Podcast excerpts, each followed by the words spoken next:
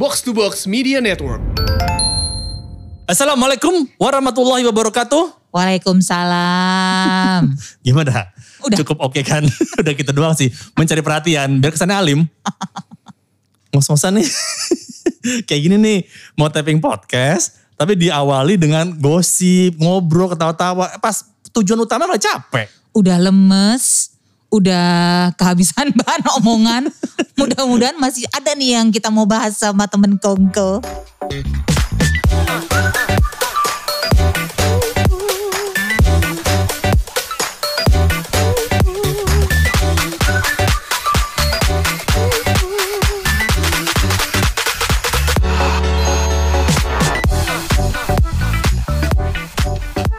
Kongko Barang hadir lagi bersama saya, Imam Wibowo. Dan Siska Becker. Apa kabar setelah seminggu kita berpisah? Kangen dong? Iya gila pede banget. Gak apa-apa. Nih gue jadi ngerti nih kenapa banyak cewek-cewek suka menjauh nih. Nah, kenapa, kenapa jadi ke situ asumsinya? Lu kayak, gi- gitu sih. Kayak gini kali nih baru ngedate sekali. Halo, kangen dong. baru ketemu, Ketemu lagi yuk. baru ketawa pertama ketawa eh, ketawa Ba- baru per- bertemu pertama kali eh apa kabar Imam pasti nanti kamu kaget sama aku langsung pulang langsung panggil taksi online Langsung balik badan. eh kok balik badan sih Habis apa dong? Balik nama? lu pikir mobil pantun lah kalau gitu Mari. eh gue duluan ya Yes. iya oke baiklah kalau begitu olahraga itu kalori dibakar Yes. Nambah kalori kalau makan mie Cakep. Kembali berjumpa di Kobar. Teman setia saat pandemi. Oh. pede, pede. Iya, pede. iya, iya, iya. Semoga ada yang balik badan ya. Temen kongko awas loh. Oke, saya balas ya, Bang. Silakan. Makan laksa, awas kepedesan. Wih. Makan bakso, abangnya murah senyum. Tunggu kenapa kita pada makan sih? Tadi gue makan mie. Gue lagi lapar sih emang kebetulan. Gue lagi baper. Ya. Ulang lah. Oke, oke. Makan laksa, awas kepedesan. Makan bakso, abangnya murah senyum. Gak kerasa bentar lagi 17-an. Ayo, udah pada pasang bendera belum? Gila. Lo kayak Pak RT di komplek gue lo. Ingetin. Jangan lupa dari tanggal 1 sampai dengan 31 Agustus. Iya. Pasang bendera. Gue masih benderanya yang kayak dari tahun lalu udah udah nggak merah putih lagi, pink putih. gue harus beli bendera baru Tahu nih. kan. Emang di depan komplek lo gak lewat tuh yang tukang bendera yang musiman itu? Belum berjodoh gue, nggak pernah papasan gitu loh. Lo kan rumah lo di mana? Di daerah? Eh, pasar Minggu Pejaten situ. Nah, pa- paling gampang dapat bendera tuh. Iya sih, Bendera Persija beda. atau bendera slang. Nah itu ada gue. Gue buka laci, gue aja cari bendera slang ya. Oh, gue pikir buka laci kemarin habis IPO ya. Buka laci. Beda. Tajur tuh yang buka, Iya, punya buka iya. laci tuh parah. Eh kita mau bahas tuh nanti. Kapan? Nanti. Oh nanti kapan sekarang? Sekarang. Emang kita bahas apa sekarang? Jadi teman Kongko, Mhm. karena nggak lama lagi nih kita sebagai orang Indonesia akan merayakan salah satu hari terpenting kali ya di agenda nasional. Yes. Hari kemerdekaan 17 Agustus Yang keberapa? yang ke-76. Wis mantap. Eh, Nah, cuman kalau kita ngelihat nih kayak dari apa ya eh, iklim suasana hati deh. Kan kemarin sempat cek-cek ombak nih kita kan, Mam. Iya. Tanya-tanya gitu. Kita nih di tahun 2021 di tengah segala himpitan masalah masih ada gak sih kayak rasa bangga jadi orang Indonesia gitu kan? Masih Yes. ada gak sih orang yang gila gue bangga banget nih jadi orang Indonesia. Nah kemarin sih pas gue Mhm. coba ceki-ceki di Twitter sama di Facebook, lumayan banyak mam yang bilang enggak ya saat ini gue nggak merasa bangga. Dan walaupun itu memang kayaknya ya kok sedih, tapi gue mengerti juga sih. Iyalah. Gue ngerti gitu kenapa banyak orang yang sentimennya seperti itu. Zaman sekarang itu kalau kita nanya di saat masa pandemi, Mm-mm. ya itu kayak lu nanya di eh, waktu yang salah. Iya sih. Waktu yang gak tepat. Iya, Iya kan karena Iya. memang basically emang orang orang seluruh dunia ini lagi Lagi lagi sulit. lagi sulit aja. Jadi Uh-uh. kalau ngomong soal kebanggaan memang eh, lo nggak bisa mengukur dari saat sekarang. Iya. Ya iya, kan kita iya. berharap pandemi paling cuman ya udah dua tahun ini selesai selesai. Mm-mm, Sisanya kan udah kita di negara yang uh hebat lagi gitu loh. Iya, Tapi iya. kalau overall kita tanyain nih, Mm-mm. ya kan kalau lo nanya di Twitter mah pasti kan Twitter langsung lebih beragam ya Iya, yang pem- iya. pemantaunya. Kalau kita nanya di Facebook kan jelas tuh ah, Iya. ma- marketnya. Iya. Jadi bisa dapetin jawaban-jawaban yang mungkin lebih lebih lebih lebih objektif lah. Iya sih, dan untungnya sih memang banyak juga tuh jawaban-jawaban kita dapatkan yang ngingetin kita gitu. Mm-mm. Di tengah segala macam eh, masalah yang kita hadapi, masih ada kok beberapa hal ternyata yang bisa bikin kita tuh jadi bangga lah jadi orang Indonesia. At least kalau misalnya kita ketemu orang bule, orang luar negeri gitu, terus mereka nanya, oh Indonesia, what is that Indonesia? Can you, can you explain it to me?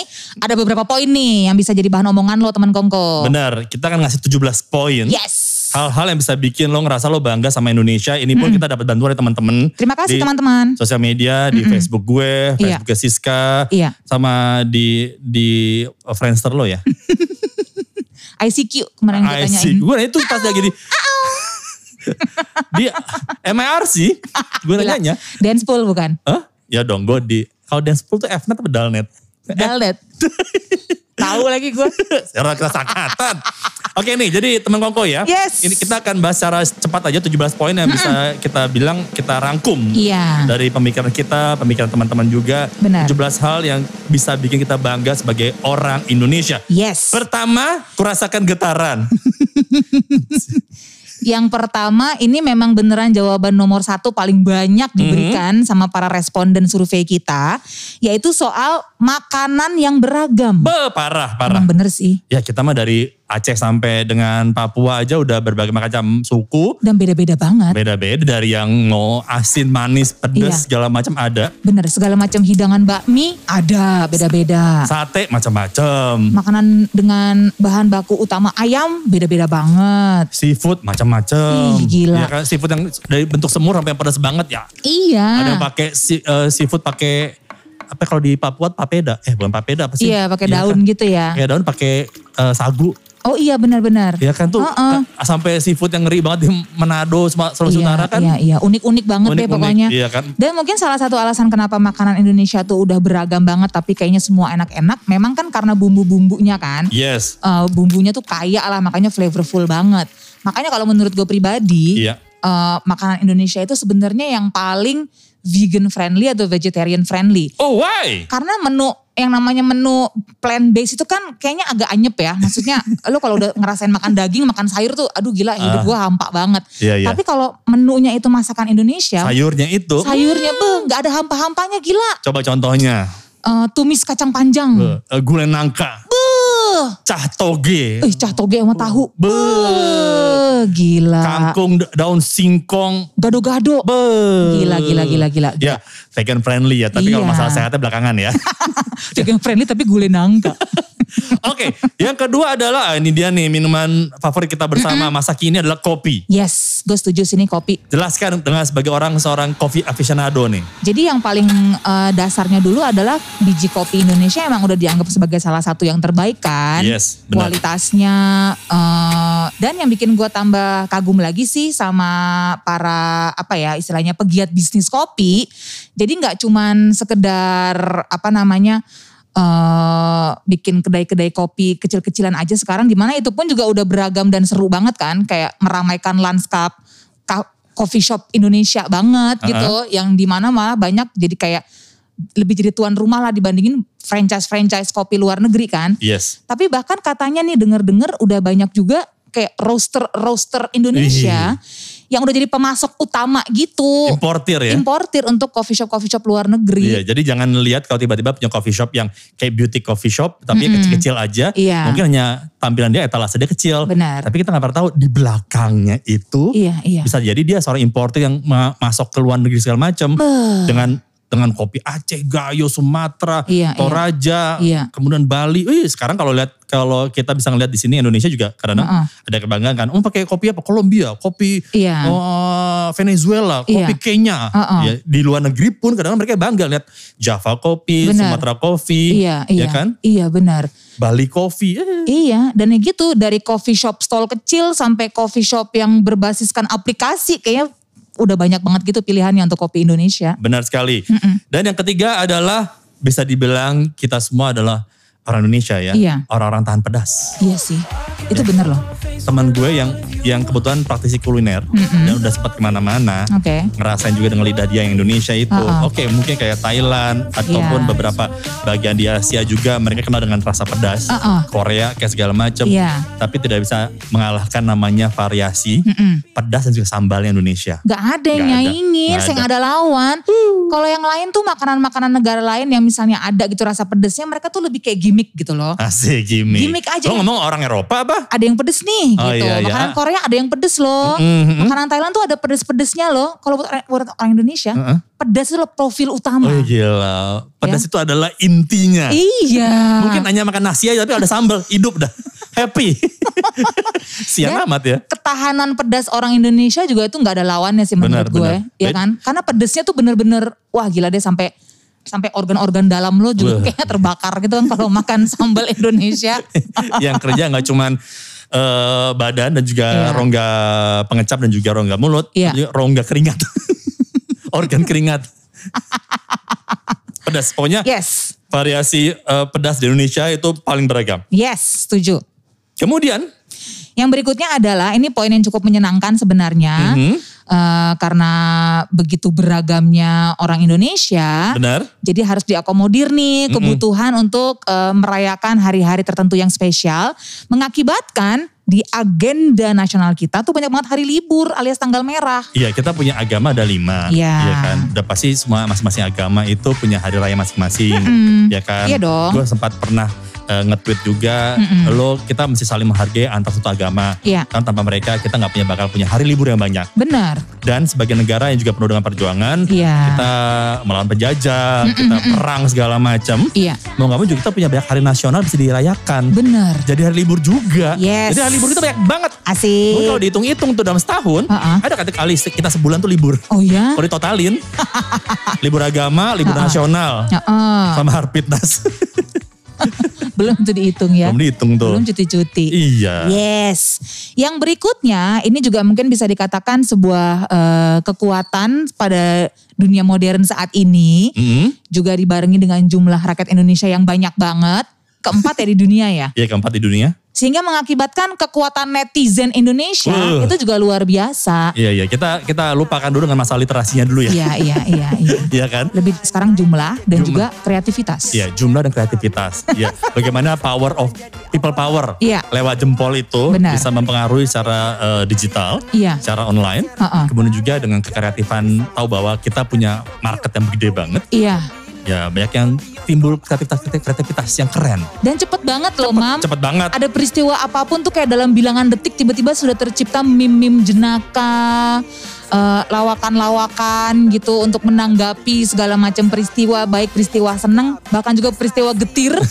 Kayaknya selalu disambut dengan humor-humor netizen Indonesia gitu. Iya, iya. Dan tren-tren netizen Indonesia yang sebenarnya sih kayaknya aslinya maunya ditujukan buat orang Indonesia kan. Cuman Uh-uh. mungkin karena tadi ya saking kita gede banget jumlahnya, Iya. itu bisa sampai merembes ke tren netizen global gitu yang lu inget gak sih zaman dulu yang Om Telolet Om Telolet Iya, itu benar benar benar. apa sih nggak jelas banget tapi sampai di komen bintang-bintang Hollywood Kim Kardashian juga bisa muncul gitu Om Telolet Om Iya, iya, iya. Benar benar. Orang kadang-kadang kita kita ngelihat eh, apa garis kerasnya netizen Indonesia tuh iya hampir bertipis dengan army loh. iya sih bener sih kita ngerti lah gitu ya karena kita juga merasakan nih di Indonesia Iya iya oke.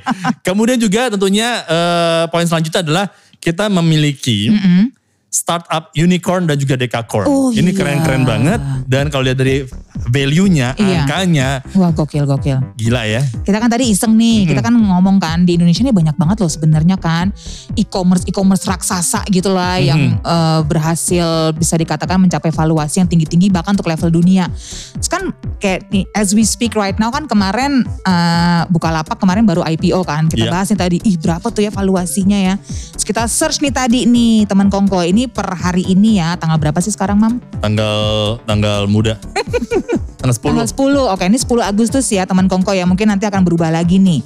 Kita ngecek nih eh, kayak GoTo aja, gabungan Gojek dan Tokopedia aja. Itu valuasinya mereka berdua nih setelah gabung adalah 198 triliun rupiah. Iya, kemudian si tadi ya si Bukalaci itu. Nah. Bukalaci, Bukalapak. Kalau digabung sama Bukalapak, Mm-mm, ya, Gabung sama dia lagi. Iya, itu totalnya kalau dalam uh, dolar Mm-mm. ya US dollars itu adalah 43 miliar. Kalau dalam rupiah Iya. ini fantastis banget sih gue sampai hah 609 triliun rupiah. Fantastis. Masa sih mam itu gokil banget loh. Ya gawat ya. Itu nunjukin berarti power dari startup kita. Dari Iya. orang-orang kreatif. Kreatif tidak hanya menguasai teknologi, tapi juga menguasai market dan ngerti kebutuhan market kita yang gede ini nomor 4 sedunia. Gila. Pantesan aja katanya investor-investor dunia kelas kakap tuh sekarang semua pada menolehnya ke Indonesia. Dan Sampai kayak Jay-Z, Beyonce gitu juga invest di... di sebuah kopi kan, Iya benar. kopi yang tiba-tiba di semua mall pasti ada dia. iya. Ngalahin. Dia salingan sama, salingan lagi. Saingan sama Starbucks. Iya, malah Iya kan? mungkin sekarang ramean dia kadang-kadang ya mungkin. di beberapa spot. Iya, karena dia ada beberapa kalau pokoknya gini, gedung kantor sama mall, Iya. pasti ada dia sama Iya, Starbucks. iya, iya, iya, iya benar. Gokil ya. Jadi ini membanggakan sih kalau menurut gue. Dia Mm-mm. nunjukin bahwa itu dia kita punya power sebetulnya. Iya. Walaupun mungkin power masih sebagai pembeli, tapi di antara pembeli itu Iya. ada juga orang pintar yang mengkre- memberikan kreasi seperti ini, Nah. memanfaatkan dan mem- membawa nama Indonesia. Yes, teruskan. Ada juga kita memiliki film laga dan juga film horor Indonesia yang jadi cult favorit. Ini tuh gue tahu pernah dibahas sebenarnya sama Bang Joko Anwar. Mhm. Pernah dia bilang nih gitu, kalau film-film Indonesia zaman dulu tahun 80-an, Iya. kayak film-film B-movie yang film-film Horor horornya atau action-action yang action action tau kan lo yang kita Hmm. ngeliatnya aduh apa sih film gak jelas ternyata Mhm. itu kayak jadi cult favorite gitu kalau buat penikmat-penikmat film movie buffs di Amerika iya buat temen cari-cari mana film-film unik nih yang Uh-uh. dulu tapi ternyata secara secara secara teknis tuh kayaknya Iya. wah ini keren banget di zamannya. jadi dari dulu tuh udah adalah followingnya nah sekarang di era modern pun kan sekarang bermunculan nih film-film action Indonesia yang keren kan Iya, Federate. ya terus semualah film-film Iko Uwais Iya, iya. yang lahir sudah itu yang kurang lebih ya stylenya sama ya Mhm. itu uh, hardcore followingnya katanya ada banget. Begitupun juga dengan film-film horor Indonesia kan bisa dikatakan memang apa ya ada ciri khasnya lah gitu. Iya. Ya mungkin sama juga kayak Thailand juga punya sih Benar. film-film horor yang jadi favorit kan. Cuman a little bit different about film horor Indonesia tuh ada suatu kekelaman tertentu lah gitu. Nilai mistisnya lebih Iya. biasanya ke orang Indonesia. Mesti, film mesti, mesti Indonesia. susah gitu loh. Nah itu disukai banget katanya Oh, iya, sama iya. penggemar film horor dunia. Oh iya, ini tuh dekor nih susahnya udah udah sudah Iya. hidup susah serem lagi. Kasihan kan. Kemudian sis apa lagi? Yang berikutnya adalah, ini banyak banget teman-teman kita pas kita tanya apa yang bikin bangga soal Hmm. Indonesia adalah mereka ngomongin soal budayanya yang beragam. Iya. Which is completely true. Kita tuh beruntung banget hidup di negara yang bisa dikatakan tuh eh, diversity-nya tuh luar biasa. Tentunya. Beda-beda dan semuanya tuh begitu rich, begitu kaya, begitu unik, begitu indah. Nah, satu hal lagi yang menurut kita yang sebenarnya bisa digabungkan nih dengan kekuatan budaya beragam adalah kekuatan anak IO Indonesia. Wih, Gila. gak pernah habis eh, ide lah. Iya. Mau ide modern sampai ide tradisional pasti ada nggak akan habis karena Indonesia kaya banget dengan budaya. Dan apa ya semangat kerja kerasnya kalau anak IO tuh menurut gue Mhm. yang eh, nggak ada masalah lah dari pagi subuh datang buat loading in kerja aja lakuin apa yang lu bisa sampai nanti loading out pokoknya kita berikan yang terbaik lah untuk klien kita untuk acara ini atau apa pun menurut gue gabungan kedua kekuatan ini Mhm. terlihat nyata banget pas eh, opening ceremony Asian Games Oh di iya iya, Jakarta benar benar benar. Gila itu kan semua seluruh, seluruh dunia, bertepuk tangan mam Yes. kagum banget. Wah ternyata ya Indonesia bisa bikin event ya. Iya. Lah Bo, gila. Kita kan tiap hari sebagai orang yang berjibaku di dunia event kan emang tahu banget Iya, dan, kualitas. dan kalau dikasih kesempatan Iya. dan diberikan motivasi Benar. dan dikulik abis bisa Nah, jadi. menurut Contoh, kulik deh. Contohnya itu dia Kulik deh. Di 2018 kemarin pas iya. Asian Games. uh-uh. Ngomong soal ngulik juga, Iya. Indonesia itu adalah orang-orang negara yang orang negara yang memiliki orang-orang yang jago ngulik Iya ya. macam-macam. Ya dari masalah ngulik bisa cari sesu- sesuatu dengan cara yang berbeda aja. Uh, benar Cari benar. solusi. Yang kalau nggak tukang bengkel, otomotif, tukang Ah. kerja-kerja yang berhubungan dengan teknis. Itu bener loh. Jago ngulik loh. Kayak manual laborers di Indonesia itu skillnya kadang-kadang bisa melebihi banget gitu. Iya. Para pekerja-pekerja di luar negeri. Pakai feeling, kadang-kadang pakai pengalaman dan feeling. Iya, cuman ya memang sayangnya uh, pendapatan mereka jauh di bawah dari para pekerja dengan um, apa ya manual labor se- seperti yang kita sebutin yang tadi kayak mendapatkan sertifikasi. Iya sih, kayak montir-montir gitu kalau di Indonesia gila jago banget bisa tahu gitu kan segala macam masalah dan solusi. Semua mobil. iya, Tahu. tukang juga. Tuk- Bahagia banget. gue tuh pernah ngobrol sama kayak dia nih arsitek Singapura gitu dia waktu itu kayak ada eksebisi eh, arsitektur dan interior design. Terus dia cerita gitu dia kagum banget sama craftsmanship tukang-tukang di Indonesia. Di mana dia merasakan sendiri tuh kalau di negaranya di Singapura atau di mana pun lah di dunia. Misalnya untuk bikin ukiran-ukiran di pagar rumah gitu, Iya. as simple as that ya. Dia pengen punya pagar rumah yang ada ukiran-ukiran pola geometris. Wih. Itu kalau di luar negeri mahal banget, Mam. Mahal banget. Mahal banget tuh kayak kayak nyewa seniman gitu ibaratnya Iya. jatuhnya. Kalau di Indonesia dia nanya nih sama- tukang yang mandornya. Saya pengen eh, pagar ini ada ukiran geometrisnya gitu. Saya mesti hire seniman mana ya? Gak usah tukang saya aja. Hah? Hmm, bisa pak? Bisa tukang saya bisa. Eh kamu, kamu kerjain dikerjain sebenernya dia terkagum-kagum mam. Karena Wow. skillnya ya Iya. sama kayak ibaratnya eh, hiring an artist Itu gitu. dia. Ya, kita di luar masalah mengha- penghargaan pada hasil kerja dan kontrak Iya. kerja ya. Mm-mm. Dan juga di masalah juga masalah kita masih memiliki apa namanya eh kalau orang dibayar upah upah masih Iya. kecil ya. Iya. Tapi sebetulnya kita punya kemampuan dalam hal berkreasi dan juga tukang ngulik itu. Ya, tapi on the Iya. other hand, Kadang-kadang yang suka ngulik itu Mm-mm. kalau tanpa ada sertifikasi dan juga pendidikan yang cukup oke di backgroundnya, iya, kan mereka cenderung hanya pakai pengalaman. iya, ya kan mereka nggak punya skill untuk negosiasi, Benar. skill untuk mungkin untuk ya mendengarkan mereka yang bilang ya udah lo ngerjain gue gue kerjain. Uh-uh. Kadang-kadang jadi ngeyel, susah dibilangin. itu pernah ngerasain sih gue. Ya udah, itu panjang kalau ngomong soal tukang iya, ya. Iya benar-benar. Tapi tapi secara secara nggak langsung mereka jago lah ngulik. Iya, Asal dapat treatmentnya kita tahu cara approach sama mereka. iya sih. Jadi kayak kita yang butuh mereka, bukan bu- mereka butuh kita. itu approachnya. True, true. Oke, poin berikut udah poin ke-10 nih teman Kongko.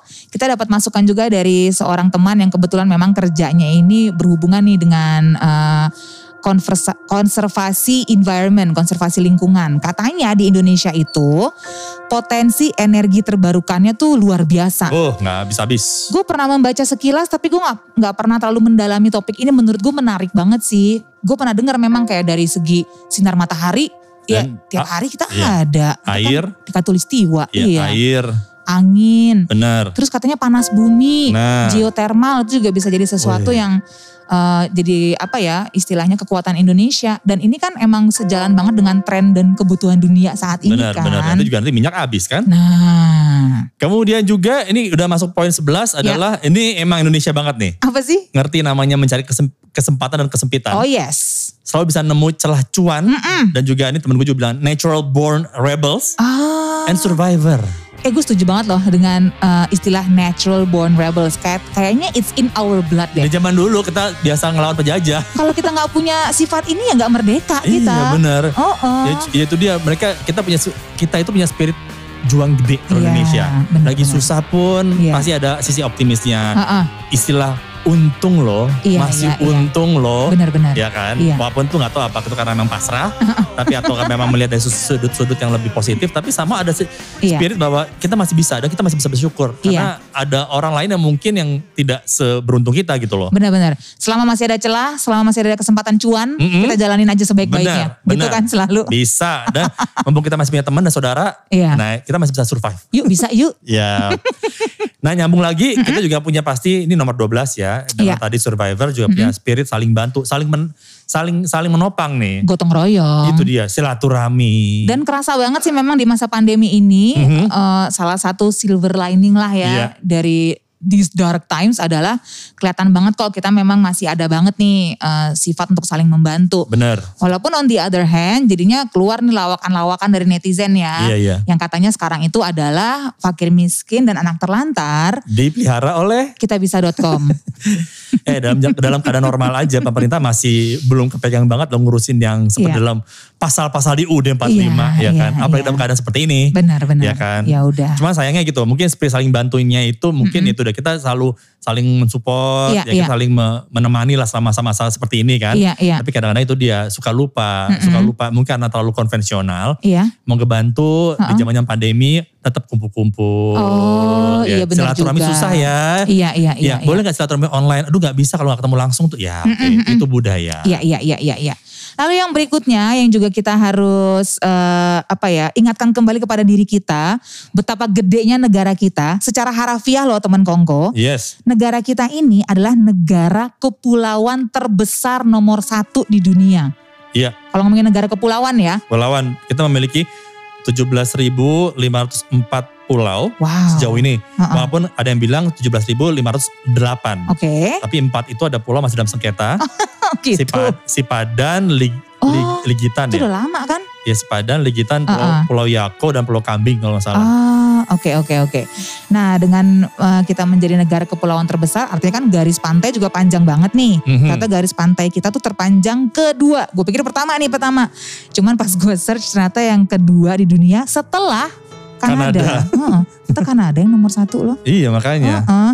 Nah tadi ya 17.504 pulau itu teman Kongko. Itu eh, termasuk 9.634 pulau yang belum dikasih nama. Iya. Ya, jadi kalau misalnya mungkin punya duit berlebih nanti coba beli pulau kasih nama sendiri. Emang boleh beli pulau? Nggak boleh ya. Nggak boleh. Ada 6.000 pulau yang tidak berpenghuni. Waduh. Nah, kalau kayaknya udah sesek banget, Mm-mm. tinggal di Tebet Timur dalam situ, cari pulau nggak berpenghuni biar Iya. lega ya. Yes. Terus tadi kita iseng hitung nih teman Kongko supaya bisa menggambarkan gitu ya betapa gedenya negara kita. Misalnya nih, kita pengen mengunjungi semua pulau yang ada di Indonesia. Let's say pulaunya itu adalah 17.504 pulau tadi ya. Kita pengen mengunjungi satu pulau, kalau misalnya kita kunjungin satu persatu, masing-masing pulau satu hari, Yes. kita butuh waktu 48 tahun. Dan itu tanpa perhitungan eh, istirahat, Heeh, tanpa perhitungan bermalam, nggak ada, dan ada. tanpa perhitungan kalau ada masalah salah traveling. Nggak ada, nggak ada. Itu menclok-menclok satu hari satu Ah, pulau aja. Lompat-lompat aja. 48 tahun baru kelar, Mam. Iya benar. Itu kapan kerjanya ya? kapan cari duitnya ya? Gimana coba? Bisa dapat sponsor tuh. Kemudian juga poin ke-14, kita memiliki komodo, bangga banget. Iya dong, bangga cuma di Indonesia doang loh Komodo. Iya, dan ini adalah binatang purba yang sudah 40 juta tahun hidup di muka bumi. Gokil. Kita aja manusia nih dianggap dari Homo sapiens ya. Iya. Itu baru hidup 300 ribu tahun loh. Ya ampun, kita masih sungkem banget Kalau ketemu sama komodo, Komodo. ya makanya kalau sekarang kalau ketemu komodo tuh kita nggak pernah di depan, Selalu di belakang, belakang ya. ya, karena nggak nggak sopan. Iya, ya. Gila dia sesepuh banget. Sesepuh banget. Kita, 40 ngikut, juta. kita ngikut di belakang aja. Iya, iya, iya, iya. Oke. Nah satu hal lagi nih yang juga patut kita banggakan. Mhm. Dari dulu dari zaman SD kita diajarin kan kalau negara Indonesia ini kaya akan rempah-rempah. Setuju. Makanya alasannya semua negara-negara Eropa tuh Belanda, Spanyol, Inggris datang ke Indonesia adalah cari rempah-rempah kan. Yes. Karena waktu itu rempah-rempah adalah kayak produk termahal di dunia lah, bahkan melebihi emas dan segala macam logam mulia lainnya. Ternyata hal ini masih menjadi kenyataan di tahun 2021 loh. Indonesia itu adalah peringkat pertama dalam produk rempah dan importir rempah. Jadi kayak cengkeh, pala, eh, kemiri, ketumbar, Yes. semua bumbu-bumbuan itu, Hmm? itu Indonesia nomor satu until now. Dan bayangkan dulu, tahu nggak? Kalau ini sedikit intermezzo ya, Uh-uh. sampai dulu Belanda Iya. sama Inggris Heeh. pernah tuker-tukeran. Belanda Uh-uh. merelakan New York, Oh dia sebenarnya punyanya Belanda tuh dulu New York. punya Belanda. Kemudian eh, sebuah pulau di Am- di Maluku ya, Heeh. dimiliki oleh, oleh Inggris. Oh, oke. Belanda nawarin, sorry boleh tukeran nggak ya? Gue pengen di situ. Gue pengen situ tuh kayaknya lebih banyak. rempah-rempah. Gue pengen nyari tempat itu. Lo Oke. ambil New York, akhirnya tukeran sama Inggris. Yang bener loh. Jadi kalau nggak ada Indonesia, New York nggak ada. Oh my god. Mungkin ada tapi nggak kayak Iya, sekarang. tapi beda. Beda mungkin. Gue pernah denger sih kalau New York itu dulu sebenarnya New Amsterdam ya. Dunia Amsterdam, Oh, maka ada Ada Ad- serial TV New Iya, Amsterdam itu. ada juga emang daerah New Amsterdam di sana. Oke oke oke, menarik menarik. Kemudian juga nomor 16, wow. Nah ini, Ternyata ini lucu sih dan sangat oke menurut gue nih fakta ini. menurut Charities Aid Foundation Uh-uh. World Giving Index 2021, Yes. Indonesia masuk peringkat pertama sebagai negara paling dermawan di dunia. Wow. Gak nyangka kan kita boleh bangga loh. Dengan segala kesulitan, kehimpitan masalah, tapi tetap kita menjadi negara paling dermawan. 2021 loh, ini kayak titik terkelam kita, tapi justru di sini kita paling giving Bener-bener. kepada sesama. Kita tuh emang gotong royong. Iya, iya, iya, kan? iya, Jadi iya. saling ngerti. Benar, benar, benar. Yeay. Harusnya kita sebagai negara paling pengertian. Iya, iya. paling ngerti sama, yaudah gak apa-apa deh. Iya Alias, sih. Either, either pasal atau permisif, gue gak tahu. Benar-benar, tapi ini menurut gue sih apa ya kayak semacam cerminan yang bagus juga buat Iya. negara-negara lain. Woi, lu negara-negara kaya udah tajir banyak duit, mestinya lu dong paling dermawan gitu. Dan kita- ternyata itu bukan barometer orang menjadi paling dermawan ya. Benar-benar. Gitu. Iya, kita negara yang lagi struggling aja bukan negara maju, Uh-uh. bukan negara kaya, Yes. tapi masih, bisa memiliki semangat dermawan dan juga berbagi. And we should be proud of that. Yes. Yeah. Dan yang terakhir nomor 17. Ternyata nih ya, ini Mhm. kita juga baru sadar sebenarnya fakta ini yang menurut kita sih cukup membanggakan. Republik Indonesia itu ternyata adalah negara pertama yang lahir sesudah berakhirnya Perang Dunia Kedua di tahun 45. Jadi waktu udah tuh ya kejadiannya kan kronologis udah pada tahu lah ya. Iya. Eh, bom nuklir di Hiroshima Nagasaki. Iya. 14 Agustus tuh bom nuklir yang kedua. Di 15 Agustus kalau nggak salah Jepang menyatakan menyerah. Iya, kata oke, gue udah gak bisa lagi lanjut perang. Iya. 15 Agustus Heeh. itu Jepang mengumumkan menyerah pada sekutu, which is Yes. sebelumnya kan kalau Jerman udah ada sebelumnya kan. Ada tahu-tahu duluan. Akhirnya emang pas Jepang bilang gue nyerah, itu pertanda That's the end. the end of the World War II. Nah langsung nih ada beberapa sekumpulan anak muda kan. Mhm. Wah ini celah nih, ini kembali ke poin kita tadi orang Indonesia selalu Iya. pintar melihat celah kan. Ada kesempatan kesempitan nih. Ini sekarang, kalau nggak sekarang nanti kapan lagi, lama lagi. Iya, mumpung Jepang juga lagi pada pusing nih ngurusin Iya. negaranya, kita merdeka langsung aja. Terus diculik lah Bung Karno dan timnya ke Rengas Dengklok ya. Iya. Untuk dibilangin udah ayo kita rumuskan saja naskah apal semua. iya, yang penting secepat-cepatnya. diumumin aja gitu. Dalam tempo singkat-singkatnya. Nah, dan ya udah kejadian deh 17 Agustus, Agustus. 1945 lahir tiba-tiba di tengah kebingungan warga dunia yang baru aja kelar perang dunia. Tiba-tiba, lo kok dia merdeka ya? Kok dia tiba-tiba pengumuman kemerdekaan? Dan hebatnya, Iya. Jepang ngumumin menyerah itu secara secara uh, unofficial kan. Oke. Kalau official baru bulan September kan. Oh gitu. Iya, kalau yang, di, yang tanda, tangan di pa- kapal perang itu Iya, di, iya. sama Amerika itu kan Uh-uh. September kan. I see. Tapi 15 Agustus dia udah bilang, oke gue Nyerah. nyerah. Gue berhenti, gak ikutan Iya. lagi, gue selesai ikutan perang ini. Oke. Itu 15 Agustus. Heeh. Dan dalam waktu satu hari kemudian, 16 Iya. Agustus, orang Indonesia udah nyulik Soekarno. Iya benar. Zaman dulu kan gak ada, gak ada internet ya. Benar. Itu satu hari tuh gimana dapat berita Indonesia Iya, dari iya, Jepang iya. coba. Iya, Itu gokil hebat ya. banget, gokil. Dan cepet banget gercep. Nah, Gercep. orang Indonesia tuh gercep. Gercep, gak, gak pakai gak buang-buang waktu. Iya.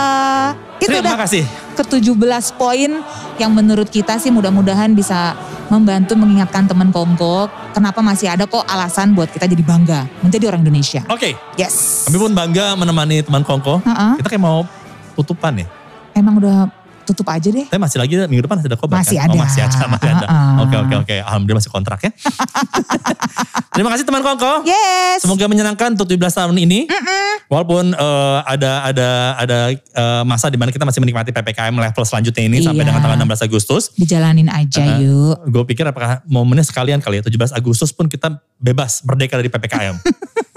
Tapi semoga nggak hilaf ya, nggak Iya. tiba-tiba langsung bikin langsung bikin olahraga per- perlombaan di komplek-komplek. Uh-uh. Udah gila kali itu. Soalnya virus coronanya 17-an gak libur dia. Nggak libur tetap aja. Tetep dia ke mana-mana. Ya udah kalau gitu langsung saja yuk kita tutup dengan seperangkat pantun.